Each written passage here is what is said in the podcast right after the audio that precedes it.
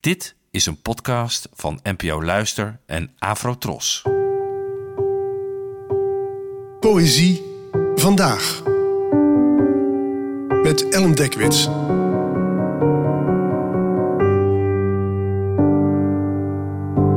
Hallo, fijn dat je luistert. Het gedicht van vandaag heet Persoonlijke brief nummer 3.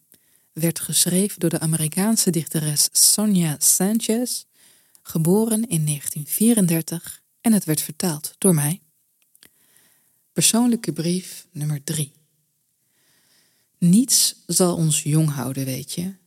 Geen jonge mannen of vrouwen die hun jeugd vertolken op hippe deuntjes. We zijn wat we zijn, wat we nooit denken te zijn. Geen wilde geografie meer van het vlees. Echo's. Dat we bewegen afgestemd op tragere geuren. Het is moeilijk om toe te geven dat soms na middernacht ik moe van alles ben.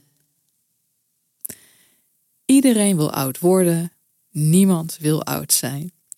Als je jong bent, denk je, dat had ik althans vroeger, dat je dat altijd blijft. Maar een kleine twintig jaar later is na een avond stappen je rug ochtends toch opeens stijver dan een broodplank. De ouderdom komt met gebreken.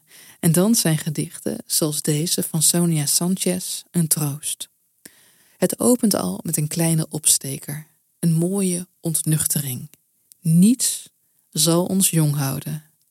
Ik ken zelfs zoveel mensen die al vanaf hun 25ste met zonnebrand, dure crèmes, vitaminepreparaten en injecties in de weer gaan om de sloopwerkzaamheden van de klok tegen te houden. Maar er is natuurlijk nog geen enkele remedie tegen verouderen die je er niet uit laat zien als Gerard Joling. Het ouder worden wordt echter pas echt lastig als je er tegen verzet.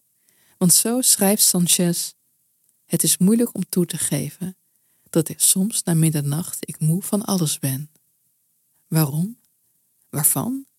Waarschijnlijk omdat, zo staat er hier eerder te lezen, we zijn wat we zijn, wat we nooit denken te zijn. Oftewel, onze voorstelling van onszelf is vaak, dat heb ik althans, doorgaans 15 jaar jonger dan we werkelijk zijn. Je zelfbeeld loopt altijd achter. Je bent zelden wat je denkt te zijn. Gelukkig zijn er nog de herinneringen aan, zoals er zo mooi beschreven staat, wilde geografieën van het vlees. Echo's van wat eens was. Wat er nu niet meer is, maar wat tenminste ooit heeft bestaan. Net zoals degene die je denkt dat je bent, er inmiddels misschien al lang niet meer is. Bedankt voor het luisteren en tot de volgende keer. Afro Tros, de omroep voor ons.